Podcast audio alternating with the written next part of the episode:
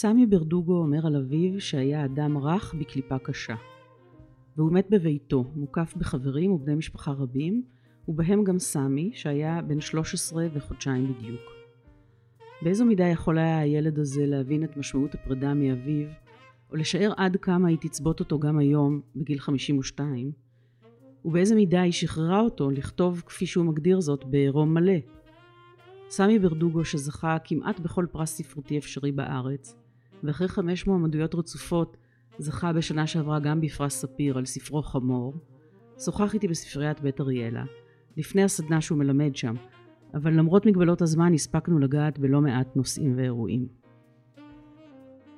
אני לא יודע הרבה על אבא שלי במובן הניסיון החיים שלי, בגלל שהוא נפטר כשהייתי כל כך צעיר, בגיל 13 וחודשיים. אה, ממש אה, חודשיים אחרי שמלאו לי 13. כלומר, באותו יום. אני נולדתי ב-23 לפברואר, הוא נולד ב-23 לאפריל. מת. אה, מת, כן, נפטר. אז מה שאני יודע על אבא שלי זה בעיקר, מ, בכל זאת, מזיכר, מזיכרונות שהיו לי עד גיל 13, ויש לו מעט, ומסיפורים ודיבורים עליו לפני שהוא התחתן, וכשהוא היה במרוקו, וכשהיה רווק, ודרך אימא שלי, קצת מהחיות וכולי וכולי. אבל סיפורים על מישהו הם תמיד, את יודעת, סיפורים על, זה לא הדבר עצמו.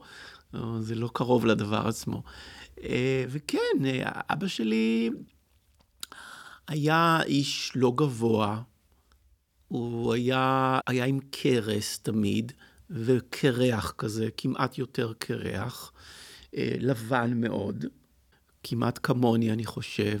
ו- ואני חושב שאמרתי את זה לא פעם, אני בעיקר זוכר שה...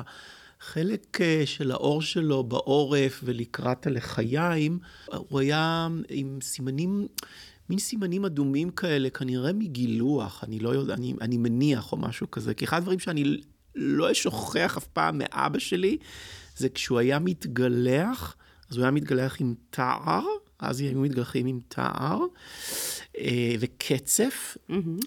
והוא היה מתגלח במקלחת שירותים שלנו, אחרי שהוא היה מושך את הקצף מהלחיים שלו, היה מוריד את זה על נייר טואלט. ואני זוכר את הקצף הזה עם הנייר טואלט, הקצף הלבן, וה... ובכל זאת סימנים קלים של דם mm-hmm. בתוך הלבן הזה. אני, אני ממש זוכר את זה היטב, את, ה... את התער הזה, ו... ו... ואת אותו מתגלח ומניח את הקצף עם הסימנים האדומים, של הלבן והאדום על, על נייר הטואלט המתייבש. אתה עוד לא התגלחת בגיל לא, הזה, זאת אומרת, עוד לא היה הזדמנות לא. שהוא ילמד אותך. לא, ממש לא, ואני חושב שאולי גם כתבתי על זה משהו, הזכרתי את זה מתישהו איפשהו. אה, לא, ממש לא, הייתי בן 13. 13, אני נורא, כשאני התגלחתי בפעם הראשונה זה היה בכיתה י"ב.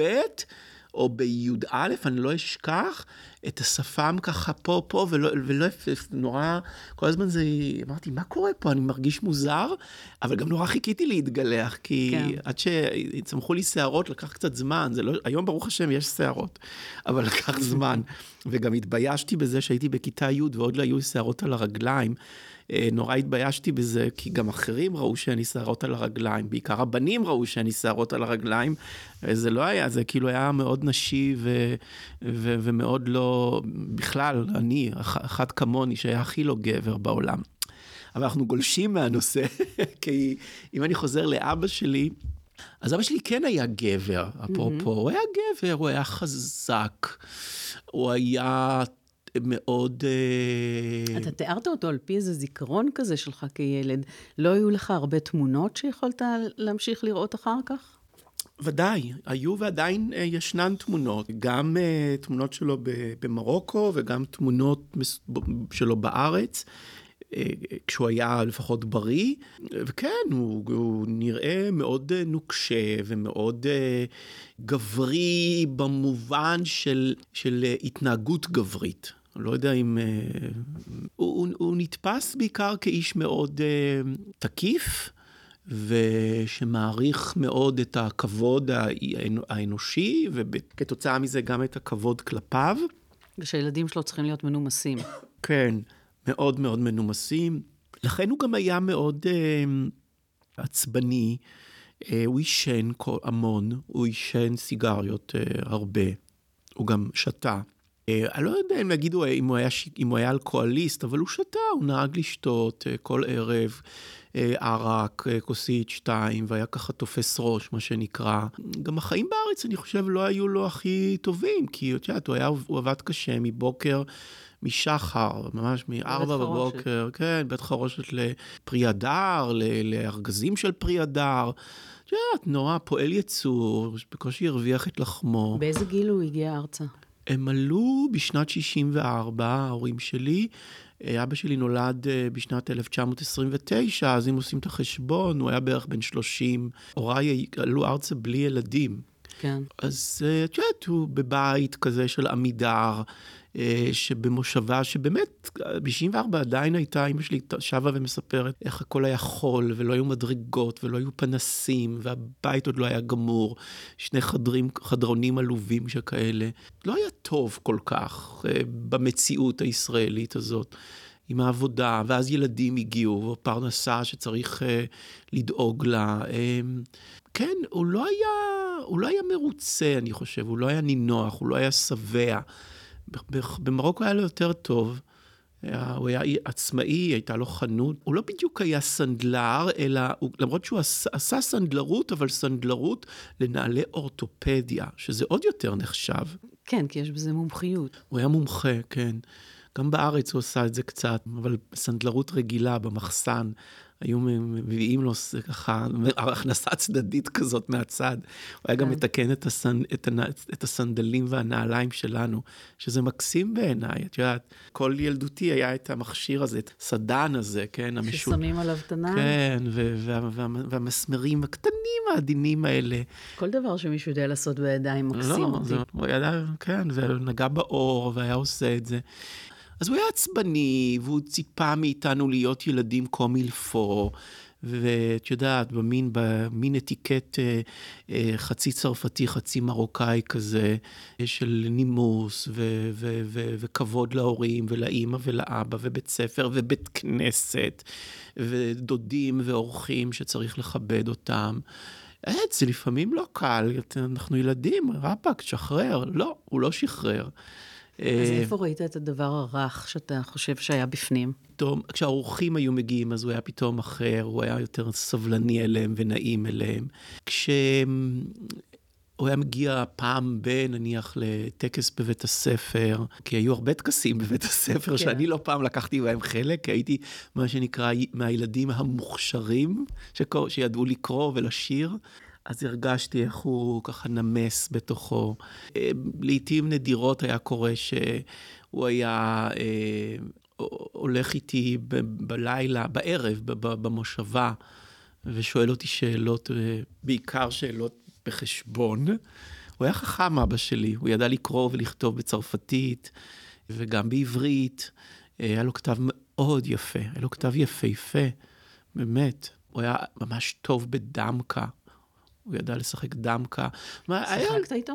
לא, אנחנו לא שיחקנו איתו, אני לא, בכל אופן. זה עם חברים. כן, עם חברים, אה, אנשי בית, קהילת בית הכנסת, כל המרוקאים, כן, הם היו מין, המרוקאים היו משחקים, ביני, משחקים ביניהם בין, בין מנחה של יום שבת לערבית. המיתוס אומר שהוא ניצח את כולם. אני לא יודע כמה זה נכון, אבל ככה אומרים.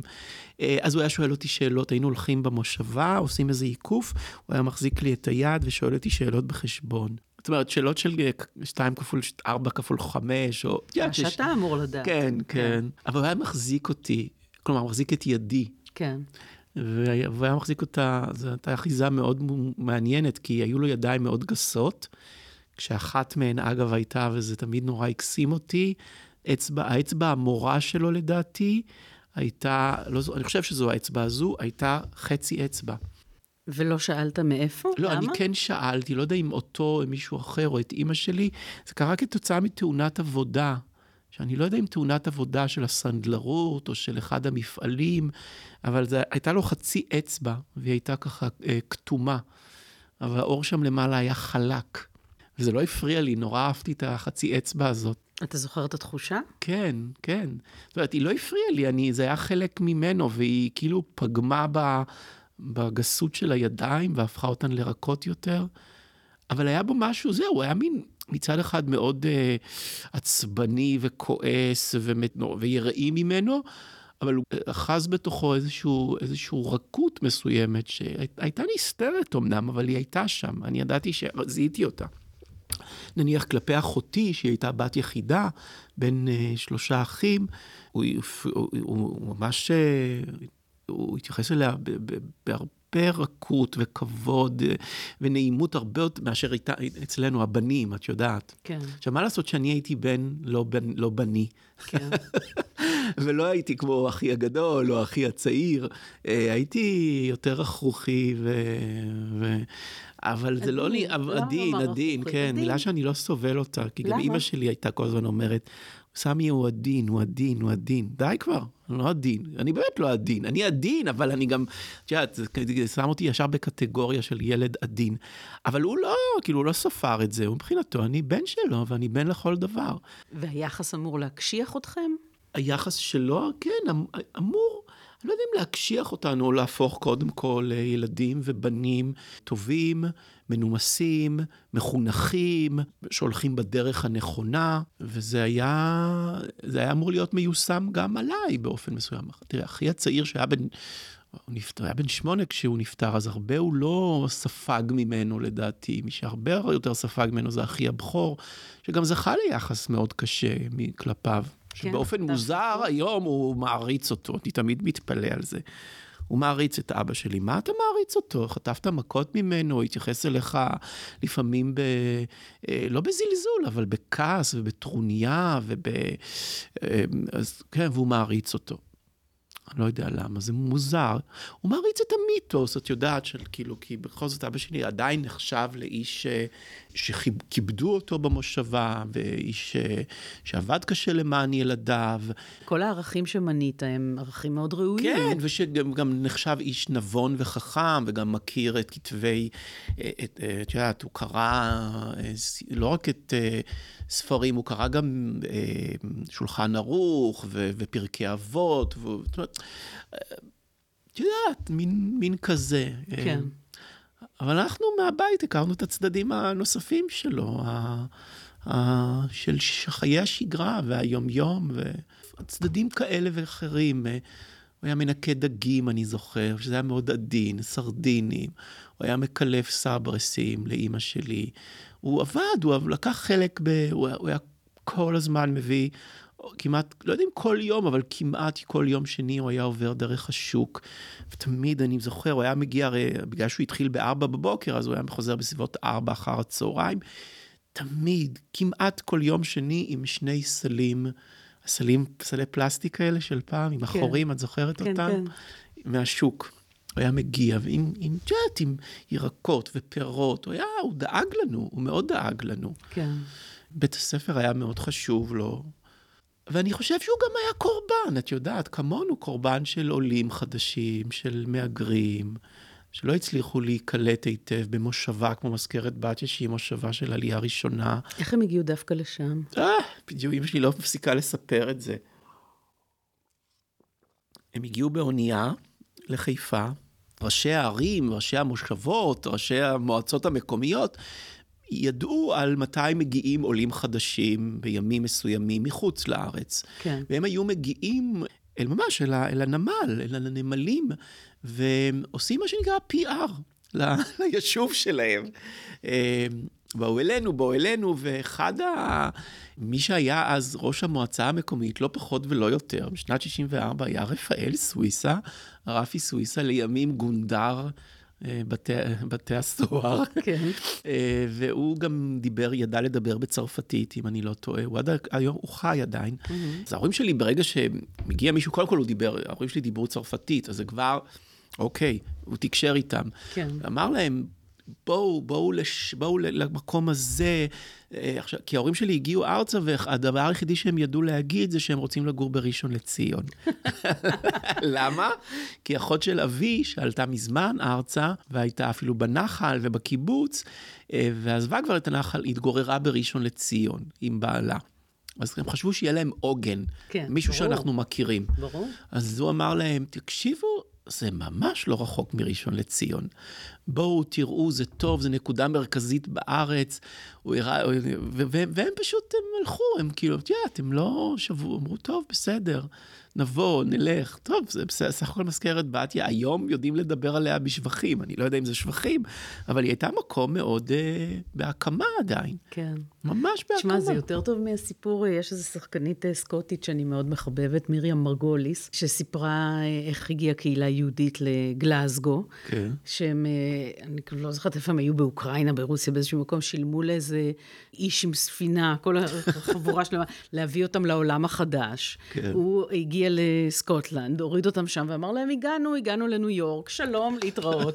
וכך נהייתה שם קהילה. כן, נכון, נכון, הם לא ידעו. אמא שלי מספרת שבלילה הראשון או השני, אה, כשהם הגיעו למבנה אבן הזה, זה אפילו בקושי היה בית, הם ראו באופק אורות, הם אמרו, היא אמרה לאבא שלי, "אה, מרדו, מרדו זה היה הכינוי שלו, מרדכי קראו לו. אה, בצרפתי אמרה לו, אני חושבת ששם זה ראשון. בוא, בוא נלך ברגל, נלך לאחותך, נבקר אותה. כן, וכך קרה שהם הגיעו, ומאז הם שם, כי הם היו שם, עדיין אימא שלי שם. ומתי אה, הוא חלה? ו... אבא שלי חלה כשאני הייתי בכיתה אה, ז', אני חושב. כלומר, אני חושב, אני יודע שהוא היה, הייתי בכיתה ז'. אני זוכר שזה היה, שהיה חג סוכות. באופן דווקא די מפתיע, כי בדרך כלל לא עשיתי את זה, למרות שכיתה ז' עוד הייתי חברותי. ישנתי לילה אצל חבר בסוכה. היית אושפיז. כן, אבל לא, אבל אצל סוכה הכי חילונית ומשהו כזה. ואז חזרתי הביתה וראית, ואימא, אמא שלי אמרה, אבא, אבא, אבא לא מרגיש טוב. גם זה היה ממש בראשית ה... ואני זוכר שאמרתי, אוקיי, אבא לא מרגיש טוב, הוא נשאר בבית. ומאז, פחות או יותר מסוכות, זה, זה הלך וחזר על עצמו פשוט. אבא לא מרגיש טוב, אבא לא מרגיש טוב. ועד שזה הפך להיות משהו קבוע שכזה, שאבא כבר לא הולך לעבודה, והוא נשאר בבית, והוא נשאר במיטה, ואז הוא גם מתאשפז. אבל לא הייתה איזה מין שיחה של תשמעו ילדים, זה המצב. לא, ממש לא, ממש לא, ממש לא. אמא שלי לרגע לא חשבה על זה, שזה לא טוב בעיניי. ו- ואני בתור ילד בן 13, אה, מתרגל בעצם לשנה כזאת, זה אפילו לא היה, זה היה פחות משנה, כן? מתחילת פחות או יותר כיתה ז' עד, אה, אה, לא סוג, ל"ג בעומר בערך, אני מתרגל לזה ש, שיש אבא חולה בבית. כן. שמדי פעם מתאשפז, עובר איזה ניתוח כנראה, לא כנראה, הוא עבר ניתוח, רק שלא פירטו לנו, שהאבא חוזר מבית חולים ונשאר בבית, יורד במשקל.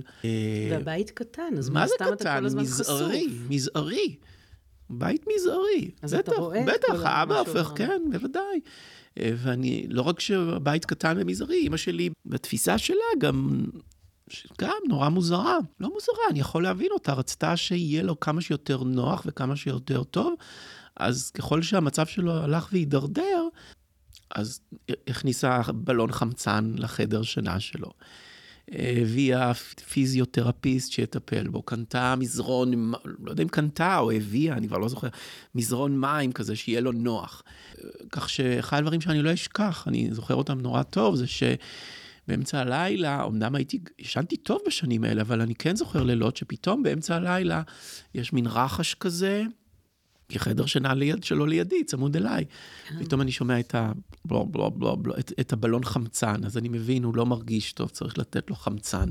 זה היה ממש חלק מפסקול אה, של החודשים האחרונים שלו בחלק מהלילות, והשיעול, ואז גם הרופאה שמבקרת, ופתאום כן הוא מרגיש טוב, ואז הוא שוב הולך לבית חולים, ואנחנו, אני זוכר שהולכים לבקר אותו בבית חולים. קפלן, בלינסון, באים, נוסעים.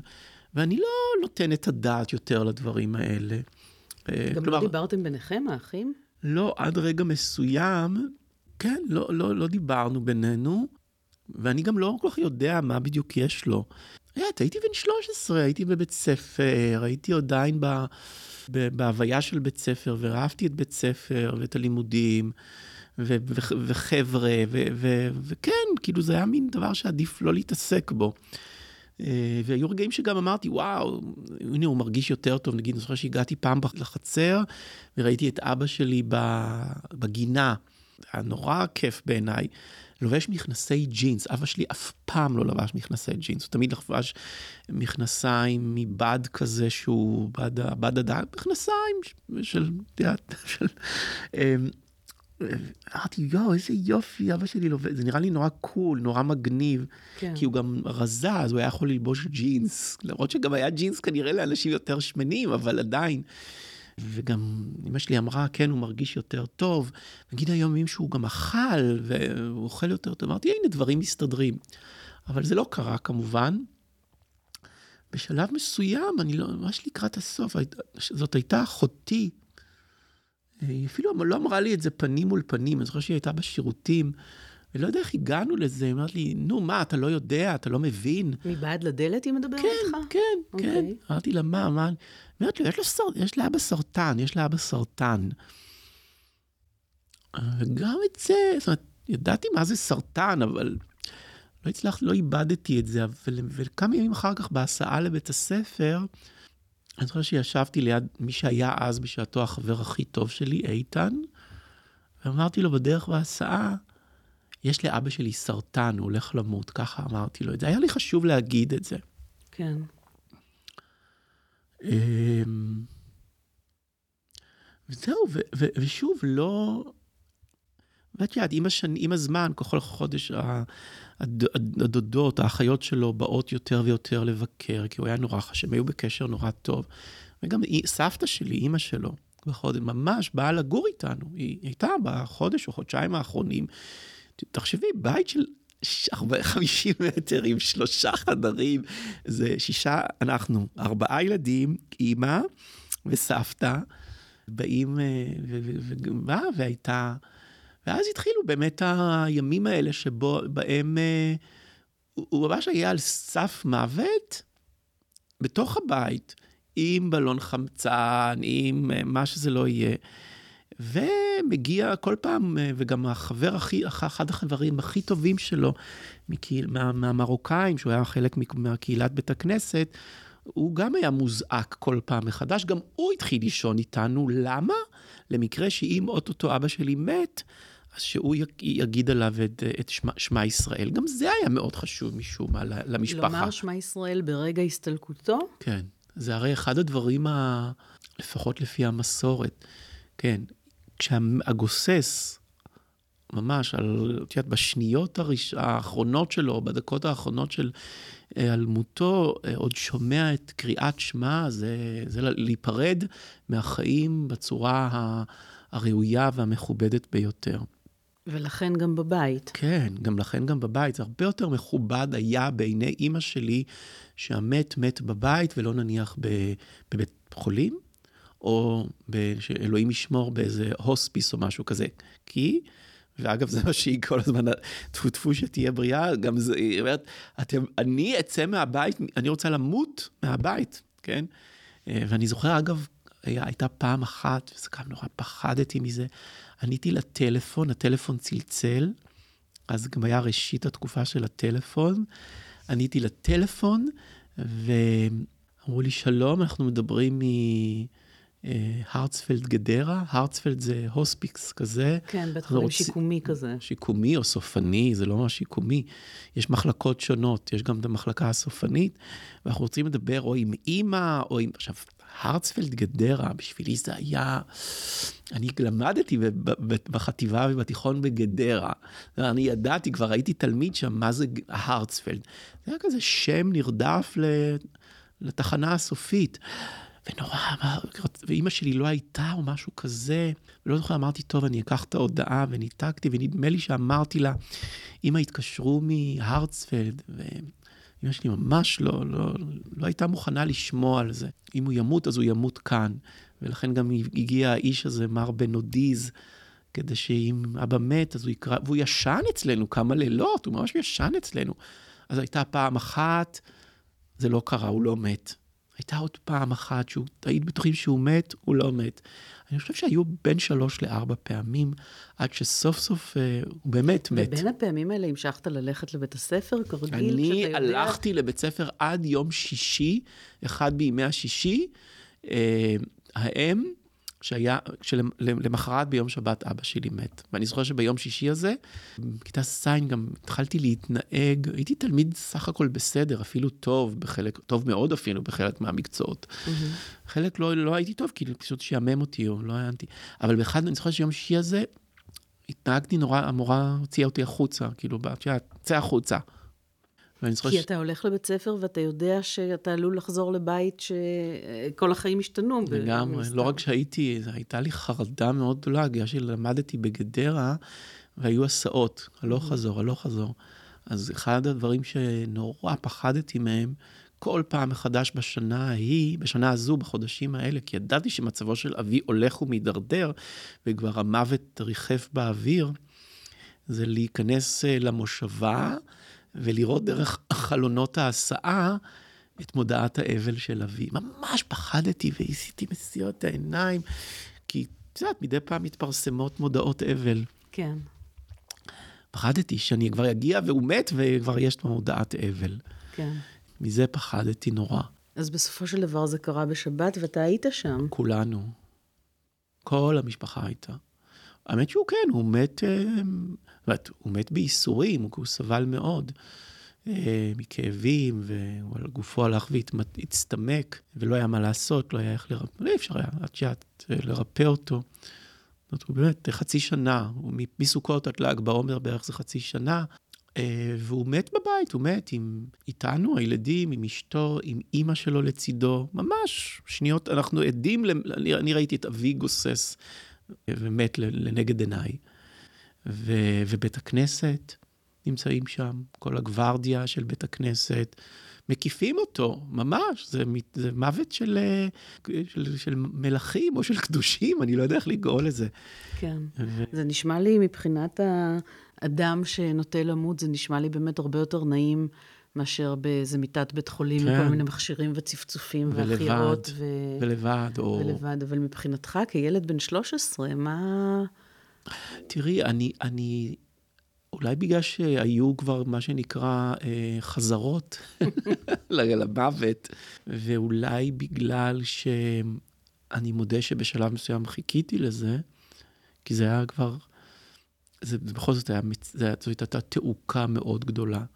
בתוך זה כן. גם הייתה, לא תיארתי את, זה היה איום ונורא, בתוך זה גם איכשהו נדחפה הבר מצווה שלי שם, כי הייתי, הוא חלה, עוד לא הייתה הבר מצווה, ואז הוא חלה כבר חודשיים לפני הבר מצווה.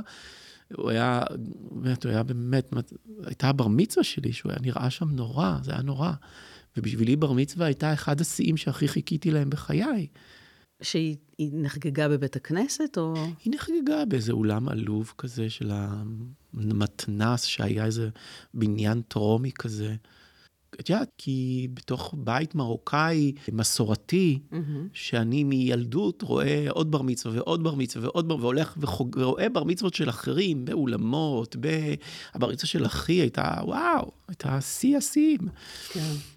שלי הייתה עולב העולבים, אז הייתה תעוקה כבר נורא גדולה, ו... אה, וזה, וזה היה, לא היה, זה לא היה טוב, זה לא היה טוב לראות את אבא שלי, זה לא היה טוב לראות את uh, אימא שלי ואת המשפחה. ו... אז, אז אני חושב שכשהגיע הרגע הזה, אני לא חושב, אני יודע, אני זוכר, הייתה הקלה מאוד גדולה אצלי. כן. ממש, יצאתי החוצה, זה היה, בין, זה היה, בין, זה היה בצאת השבת, יצאתי החוצה, אחותי גם יצאה, אני זוכר, ישבנו על המדרגות לפני השער. אני באופן אישי הרגשתי ממש, אה, הייתה לי הקלה מאוד גדולה. הייתה לי הקלה מאוד גדולה. זה משהו שהרבה אנשים מספרים עליו, בעיקר אה, כשנפטר מישהו שבאמת אה, עבר סבל. אפילו אם אנחנו חושבים גם על עצמנו, ובעיקר על עצמנו, כשאנחנו אומרים הקלה, ולא רק על האדם ש...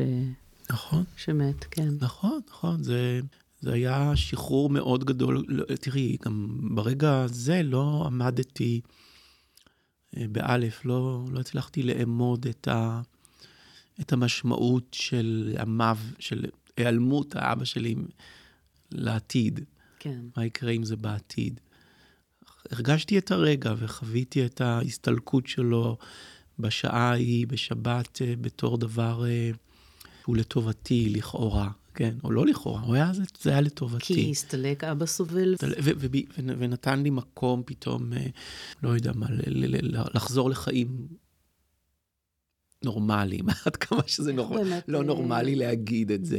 איך באמת התנהלו החיים בבית מיד אחרי? אה, באופן מוזר, אני חושב שזה גם קשור לאימא שלי בהרבה מובנים, כי היא היא, אני חושב שגם, לא, אני לא חושב, היא אמרה את זה, היא, אחד הדברים שהיו לה מאוד חשובים זה, היא תנסה כמה שרק אפשר לש, לשמור על מסגרת אה, חיים ושגרה טבעית. כלומר, שאנחנו מיד נחזור לשגרת בית הספר, כמה של, שתשתדל שלא יחסר לנו דבר במובן הבסיסי, כלומר אוכל ובגדים כשצריך, כי לא, אז היו צריכים בערך פעם בשנה בגדים, לא, לא כמו, כש, כמו היום. לשמור, להחזיק את הבית במובן המאוד בסיסי שלו, זה היה לה מאוד מאוד חשוב. לכן אני זוכר שאחד הדברים שהיא עשתה זה איך שמיד אחרי השבעה, כמעט מיד אחרי השבעה, אני לא יודע אם זה חודש, אפילו לפני, היא דאגה שכן נדליק טלוויזיה, כי את יודעת שיש שנת אבל. שנת אבל לא רואים טלוויזיה, לא שמחים, לא צוהלים. אגב, היא עצמה, נגיד, כן בשנה דאגה ללבוש בגדים כהים, כחולים, כהים, שמעידים על אבלות. כן. והיא עצמה הלכה כמעט, לא יודע אם כל יום, אבל לפחות שלוש פעמים בשבוע, אל הקבר של אבא שלי, דאגה גם, ביקשה מהקברן או מאיש המצבות שישים לה שם ספסל, הוא שם לה מין ספסל, והייתה יושבת שם שעות ו- ומדברת ובוכה. בזמן שאנחנו, מתמס... כן, יאללה, רואים טלוויזיה, אה, הולכים לבית ספר, ממש, שבוע אחרי כבר הייתי בבית ספר. כן. כאילו, שגרה, עבודה של הבית, אה, לימודים, אה, חגים. אה, אבל המשכת ללכת לבית הכנסת, למרות ש... לא רק שהמשכתי, בשנה הראשונה כל יום הלכתי לבית כנסת, אני ואחי הבכור, כי הולכים להגיד קדיש, מה, שימור המה, כן? שזה היה סיוט בשבילי. אני לא אהבתי את זה. אני לא אהבתי את זה, זה לא היה אם זה היה סיוט, זה היה, זה היה עול כזה. כן, גם התבאסתי, כי הרגשתי שאם הייתי נגיד בש, בן, בן 12 לא הייתי הולך לבית כנסת, בגלל שחציתי את גיל 13 הוכשרתי מה שנקרא לבחרות. כן. ילדים מתחת לגיל 13 לא אומרים קדיש, רק מעל גיל 13. כן. אז זה כאילו אבא שלי חיכה שאני אהיה בן 13 ומת כדי שאני אקרא אליו קדיש. שזה לא נכון, אבל, אבל זה ביאס אותי, וקינאתי תמיד באחי הקטן, כי הוא היה קטן, הוא לא צריך ללכת בית כנסת ולהגיד קדיש. זה היה נורא, זה היה נורא, הקדיש הזה, ו, והייתי, ובשבתות גם לקרוא קדיש במהלך השנה הראשונה.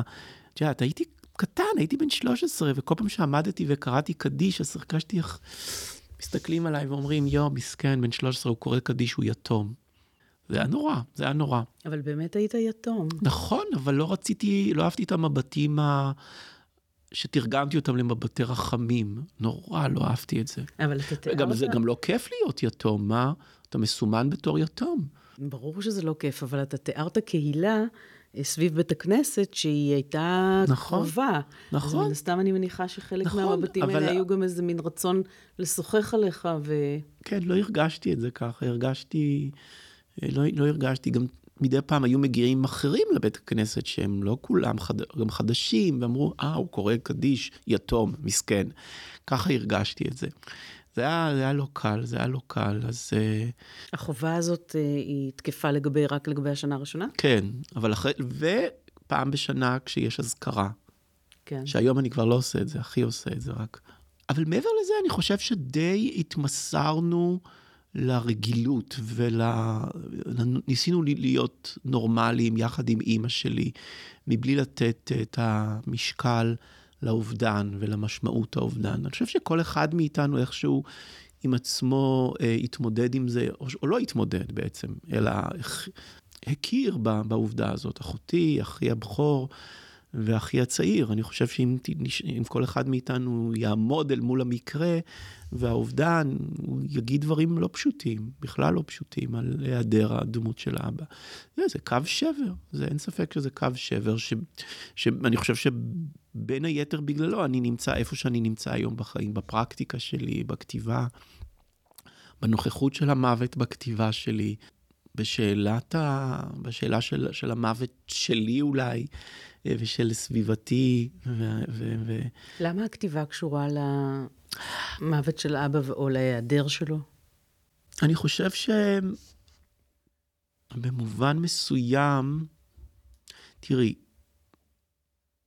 אם אני חושב על הטקסטים הראשונים, הבוס, שאפילו לא פורסמו, ש, שהתעסקתי בהם וכתבתי אותם, היו על, היו על אבא, mm-hmm. היו על מוות של אבא. זאת אומרת, אני חושב שכבר שם התחלתי לשאול מה זה אומר להיות אה, איש בעולם בלי אבא. הרי אי אפשר להתעלם מהעובדה הזו של, אה, אתה בן 13, אין לך אבא, אתה בן 15, אתה בתיכון, אין לך, אתה חייל, אין לך אבא, אתה סטודנט, אין לך אבא, אתה בן 30, אתה בן, אין אבא. כשמסביב אני רואה שיש אבות. כן. אה, אז, אז ה, אני מסתכל מסביבי ואני רואה, אוקיי, להם יש, לי אין, אז מה זה אומר? זה, לא יכולתי לי, לא, אי אפשר היה שאתעלם מזה. זאת אומרת, לא, זה, זה, זה היה טבעי בשבילי לבוא ולהתייחס בטקסטים הראשונים אל דמות האבא, האב, זאת אומרת, בטקסטים כן נתתי נוכחות לאבא, אחר כך כן. לא נתתי לו, אה, כי ניסיתי להחיות את האבא דרך המילים, או לתת לו איזשהו תוקף ולשאול, רגע, מה זה אומר גיבור בן 23 אה, שפוגש את אבא שלו בארוחת ערב. כן? למשל, סתם. אני חושב שמשם זה התחיל, הדבר הזה, ו... וזה הלך והתפתח עם הזמן, כאשר הספר הראשון שלי, באופן, לא יודע, עכשיו אני תוהה על זה, אבל נגיד הוא... ילדה שחורה? כן, הקדשתי אותו לאבא שלי. כאילו, זה נראה לי... אה, כן, אני, אין לי יותר הקדשות לדעתי בספרים. אבל גם שם, כן, אתה, יש איזושהי נוכחות להיעדר דמותו של האבא. אני חושבת שהיעדר דמות של הורה בכלל, היא, היא משמעותית הרי אפילו אם אנחנו מאבדים אותם, כמו שלי קרה, כש, כשאני כבר בן אדם מבוגר, ויחסית היה להם הרבה משקל בעיצוב שלי. אני לא צריכה לשאול את עצמי, כמו שאתה שואל את עצמך, mm. איזה בן אדם הייתי לו היה לי אבא. היה לי אבא. ובכל זאת, ההיעדרות הזאת, בוודאי. ואני גם מסתכלת מסביב העולם ואומרת, נכון. לאנשים יש אבא, לאנשים כן. יש אימא. האינדיקציה היא לא לכמה זמן מישהו נעלם מאיתנו, אלא לעצם ההיעלמות, זאת אומרת, ההיעלמות עצמה. העובדה של הלקיחה של הדמויות האלה מאיתנו, היא זו שמעלה את השאלות או את התהיות וגם את התסכולים המסוימים, או חוסר האונים, אני לא יודע מה. אני חושב גם שאצלי אה, ההסתלקות הזאת, וקו השבר הזה, אם אפשר אה, לכנות אותו ככה, אה, גם כמעט באופן אוטומטי שם אותי במקום של חיפוש והשלמה ב... שיכולתי לקבל ממנו משהו אך ורק בפן היצירתי, ש... שאצלי זה, זו הכתיבה, כן? כן? הכתיבה היוצרת. אה, רק שם אני כנראה מנסה, אני לא יודע אם אני מצליח, להביא לידי מימוש את, ה... את השאלות שלי, את התהיות שלי, את הכאב שלי, את, ה, את חוסר האונים, אולי גם את, ה, את הרגש וגם את ההשלמה. זאת אומרת, יש כאן אה, מארג של רגשות, תודעות ותחושות ש, אה, שיכולות למצוא את המקום שלהם אך ורק בפן היצירתי ולא בפן המעשי של החיים. כי לברוא את אבי מחדש אני לא יכול. כן. גם אם הייתי אבא בעצמי, אני לא אבא בעצמי, זה לא היה קורה. אני רואה את זה דרך האחים שלי, אגב, ששניהם אבות. כן. אחי הבכור ואחי הצעיר. לא מוצאים את, ה, את ההשלמה של האבא שלנו דרך זה שהם אבות. זה, לא, כן. לא, זה לא קורה. זה לא קורה. הם כואבים או עומדים אל מול התסכול, או אני לא יודע מה, אה, של, של מותו של אבי בדרכים, בדרכים שלהם. כן. לכן, אצלי ה extension, או השלוחה הזו של המעשה היצירתי, היה הטבע, אולי המובן מאליו, והמתבקש כדי למצוא איזה, איזושהי פינה להיות בה ולהציף את השאלות האלה, או המצבים הרגשיים האלה. אתה יודע, אני פעם שאלתי, אה, אני חושבת באיזה ראיון דווקא עם נורית זרחי, שאיבדה את אבא שלה כשהייתה בת חמש, אם היא חושבת שבן אדם שאין לו פצע כזה יכול ליצור. היא אמרה לי, אל תדאגי, לכל אחד יש פצע. אין בן אדם שאין לו פצע. אבל כן. אולי זה, אולי זה, זאת הזדמנות אה, שתקרא משהו. זה הספר החדש שלך, נכון. האחרון שלך, כולנו החמישה. נכון, נכון.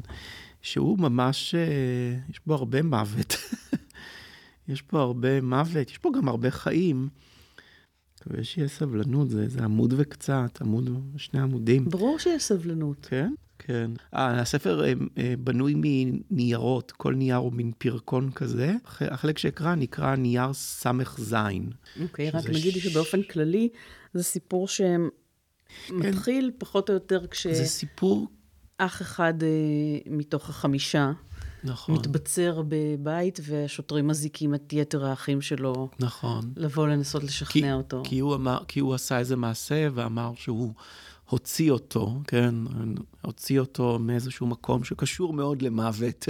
כן. אה, וכתוצאה מזה גם אה, המספר, שהוא אחד מן החמישה, משרטט בצורה, אני יודע, כללית למדי, את אה, סיפור חייהם של, של החמישה, כן. וגם את סיפורו שלו. והוא הוא עצמו עוסק בכתיבה, או לפחות עסק בכתיבה. אז ככה. בגיל 22, עם שחרורי מהצבא, שאלתי בהלם מהי הספרות שמקיפה אותי, מבלי שאדע עליה דבר. כפי שלא ידעתי מדוע דווקא עליה אני שואל ולא על הדברים החשובים של החיים. בידי היו בסך הכל דפים מקומטים שעליהם כתבתי מחוסר ברירה, כשישבתי במשך שלוש שנים באוהלים צבאיים מאובקים במשמרות הלילה ארוכות. זאת הייתה תעודתי. משפטים חתוכים, רק חלק קטן מהם היו שלמים, ופסקאות קטועות. כולם היו בכתב יד מלוכלך ולא מאוד קריא, ובהם מילים שהפכתי לכתמים לאחר שעליתי עליהן, וכיסיתי אותן חזק חזק בדיו כחולה ושחורה, מחקתי להן את הצורה. באותם דפים נכתבו תיאורים שהתחילו בפעולה בחדר או ברחוב והלכו והתפזרו לכל מיני כיוונים תלושים, נושאים תוכן לא מוצק. ערימת הכתוב הזאת התיימרה להציג את מצבי הקיומי בעולם, בזמן שלא הכרתי מיהו אותו אני אותנטי שלי, ומהו בכלל הקיום הכופה את עצמו על שנותיי הצעירות. ובכל זאת, בעת ההיא, כשלא הייתי כבול עוד תחת משטר הצבא, והייתי פטור מכל בית ספר אפשרי, חשתי שהדרך אל הספרות פתוחה בפניי רק מפני שמילותיי נכתבו מתוך כפייה עצמית. לא ביקשתי לפרסם אותן, אלא רק להתחבר בעזרתן אל מרחב המילים הכתובות העכשוויות, וגם חלמתי שאפגוש בזכותן בני אדם שחושבים ומרגישים כמוני. אבל הייתי חייב לדאוג קודם כל לכסף. נסעתי באוטובוס אל בית החולים הפרובינציאלי וניגשתי אל ביתן כוח אדם. אחות רזה ומקומטת קיבלה אותי לעבודה בתור סניטר לילה. תפקידי היה לנייד חולים בדחיפות בין המחלקות השונות, להעביר בדיקות דם ושתן למעבדות, לאסוף כלים סניטריים עטופים בנייר סופג בצבע ירוק אפור, ולהביא תרופות נחוצות מבית המרקחת של בית החולים. הרוקח התורן היה בדרך כלל צעיר ערבי חינני, בעל עיניים כחולות, גוף רזה ושפם עדין, שהיה שמח לראות אותי ואני קיוויתי בליבי שירצה להיות קרוב קרוב אליי, אף על פי שידעתי שהדבר לא יקרה. הערביות שלו הייתה סימן עצור בשבילי ובשבילו. כשיצאתי מבית המרקחת המואר בלבן מוגזם, חזרתי להתהלך במסדר... במסדרונות האפלוליים, שחלקם היו תת-קרקעיים. יצאתי גם אל. אל שבילי הבטון הצרים החשוכים בחוץ, ובידי כופסיות פלסטיק ופתקים, ובכיסי החולצה היו לי מבחנות חתומות מלאות דם. ראיתי במקום ההוא מראות לא נעימים, אך בגילי הצעיר התייחסתי אל החולי והדרדור הגופני הסובבים אותי כעובדה של עבודה. כלומר, אמנם החולים השוכבים במיטותיהם היו במצב לא טוב, אך מצבם הוא שסיפק לי את משכורתי הנמוכה. חשתי מחוסן גם כשנדרשתי באחת הפעמים לעמוד ולהמתין בחדר לצד רופא ואחות שהסירו במין הליך ניתוחי מהיר את קרניות העיניים של חולה שזה עתה נפטר. דקות קודם נעשו בו פעולות החייאה איטיות, והרופא קרא בצעקות אל הגבייה הגוססת, חדד, נו אדון חדד, תנשום, תנשום. וכשלא זזה הגופה כמה דקות, קבע הרופא, די, הוא רצה למות. זכורני שאמירתו הייתה כמו מתן תעודת שחרור מן החיים. לא היו בה כאב וצער, גם לא קהות לב, אלא הבנה פשוטה שכך או אחרת זה קורה לכולם. אחר כך ביקש ממני הרופא למהר למחלקת עיניים ממסמך שחתם עליו. לפני שעזבתי את החדר, התבוננתי בגוף הטרי המת של אותו אדון חדד, ובצבע האור שהיה שחום ונאה, ונפרדתי ממנו. בשעת לילה מאוחרת אחרת, נקראתי אל פנימית ב' בקומה השביעית. האחות התורנית הורתה לי להתלוות אליה דרך חדר חולים חשוך שבו ישנו שלושה גופים ברעש נשימות גדול. היא פתחה את הדלת אל המרפסת הארוכה בחוץ והצביעה למטה על גג מחלקת הרנטגן. החולה קפץ, צריך מהר להרים אותו לפני שיהיה בוקר, אמרה. ראיתי גוף שרוע על הצד, לא זז. בגדי בית החולים הבהירים שהיו עליו בלטו בחשכת הלילה. ירדתי אל קומת הרנטגן, ושם טיפסתי יחד עם סניטר תימני במדרגות אלומיניום אל הגג השטוח. הרמנו את הגופה והעברנו אותה דרך חלונות פנימה אל המחלקה, הנחנו אותה על אלונקה וכיסינו בסדין, הסענו אותה אל הפינה. כך התרגלתי לעובדה שבדיוק במקום כזה ובשעות כאלה מתחוללים הניגודים הפשוטים בין קו החיים לבין קו המוות. וכל עוד יכולתי לסמוך על גילי הלא מבוגר ועל היותי בצד הנכון בין שני הקווים, לא התעוררה בי חמלה גדולה כלפי החולים המסכנים וכלפי מי שאיבדו את יקיריהם. כמעט שכחתי את שבר ענף ירוק השוכן בי, ונטיתי לשכוח גם את ההורים ואת האחאים שלי. כן. כן, בסיפור הזה אתה נותן למספר גם אח שמת בגיל צעיר. נכון. בילדותו. נכון, אברהם, נכון. כן. שנדרס ש... למוות. שלמרבה השמחה, לך זה לא קרה. כן.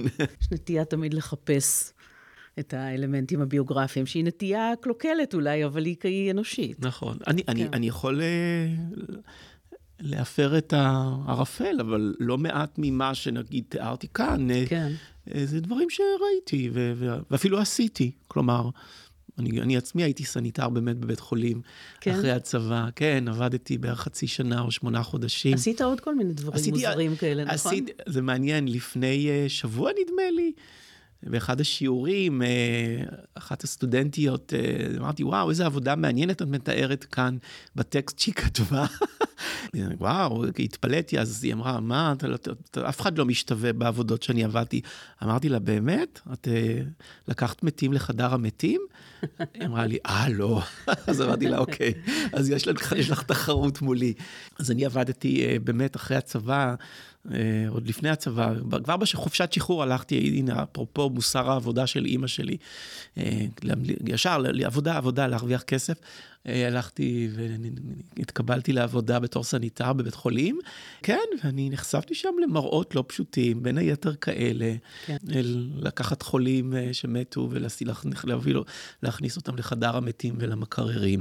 אז אני יכול לומר שכן, אני שואב לא מעט, לא, לא הכל, אבל אני שואב לא מעט מתוך ה... לא יודע אם החיים הביוגרפיים, חלק החיים הביוגרפיים שלי, וחלק ממה שפוגש אותי בחיים, כן. וזה מקל עליך שההורים שלך לא יכולים לקרוא את זה? זאת אומרת, אבא שלך בגלל שהוא איננו, נפטר כן, לפני כן. שהתחלת לכתוב uh, ספרים, ואימא שלך משום שהיא לא יודעת לקרוא? אם זה מקל עליי, אני לא יכול להכחיש, יכול להיות, מאוד יכול להיות. תראי, מצד שני, אחיי כן, ואחותי כן יכולים לקרוא, וזה לא, אני עדיין כותב. לא, כן. לא, אני לא עוצר את עצמי. אבל אני, אני חושב מלכתחילה, ואני גם ממש אה, אה, דוגל בכך, הרגשתי שבכתיבה ובמעשה הכתיבה, אני מתפשט. אני התפשטתי על ההתחלה. כן. וברגע שמתפשטים ורואים, ומגלים את העירום, הכמעט מלא שלך אל מול העולם, אז זהו, כבר אי אפשר להחזיר את הבגדים. כן. אי אפשר להתכסות בחזרה. את, יש, אני חושב שהמעשה, שאת יודעת, יש קו שחוצים אותו וזהו. וחשוב לדעתי לחצות את הקו הזה. כי אני חושב שגם הקרובים אליי, המשפחה, מבינים שאני אני לא כותב כי אני נגדם. אני לא כותב כי אני רוצה לבייש אותם. אני לא כותב כי אני מעוניין לעורר פרוב... פרובוקציה. לא, זה לא, זה לא העניין. כן. אני נוטה להאמין ש... שגם אם אבי היה בין החיים, וגם אם אימא שלי הייתה יכולה לקרוא ולכתוב, כנראה שלא הייתי עוצר את עצמי. מצד שני, who knows, יכול להיות שנוכחותו של אבי אה, למולי הייתה כן עוצרת אותי או בולמת אותי באופנים מסוימים. כן. כי הוא עדיין היה קצת אחר, נניח, מאימא שלי, נדמה לי. כי אימא שלי תמיד אומרת, אה, ואני זוקף את זה לזכותה, שעד כמה שהיא לא אישה משכילה, ועבדה כל חייה בניקיון ופרנסה אותנו, היא, היא מה שנקרא מודרנית, את יודעת. כן. מודרנית, היא הסכימה לקבל את הצדדים היותר ויותר חילוניים. היא עצמה גם, היא לא, זה לא שהיא סך הכל מסורתית, את הצדדים החילוניים שלנו, את ה... הרבה דברים ש... כן. אני חושב שהיא גם אומרת, אם אבא היה חי זה לא היה קורה, כן? לא היינו... זה לא היה קורה, אבל היא, מה שנקרא...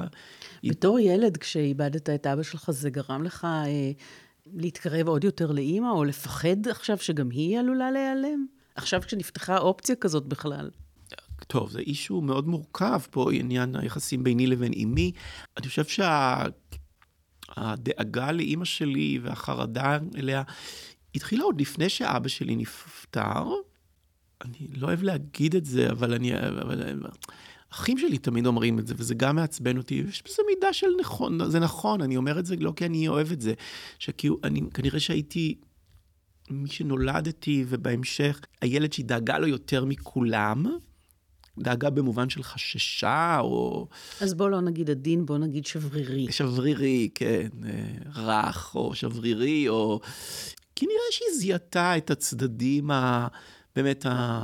כנראה, כנראה שאי אפשר להסתיר את זה, ואימא מזהה כן. שהילד הוא רגיש יותר, עדין יותר, שברירי יותר, שזה מעצבן אותי, כי, כי, כי אני, אני באמת לא כזה עדין, אני, אני מאוד אלים ואגרסיבי וברוטלי יכול להיות, אני כזה לפעמים.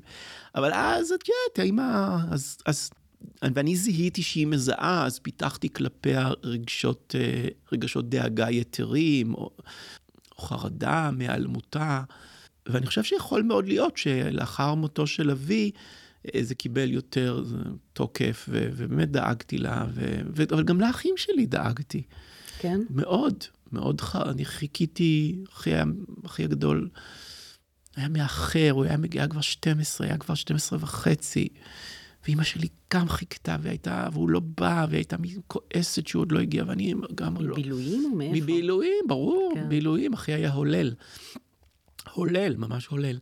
והוא לא הגיע ונורא דאגתי והייתי מחכה בחלון לראות מתי הוא יגיע עם איזה הסעה של איזה מישהו שיביא אותו.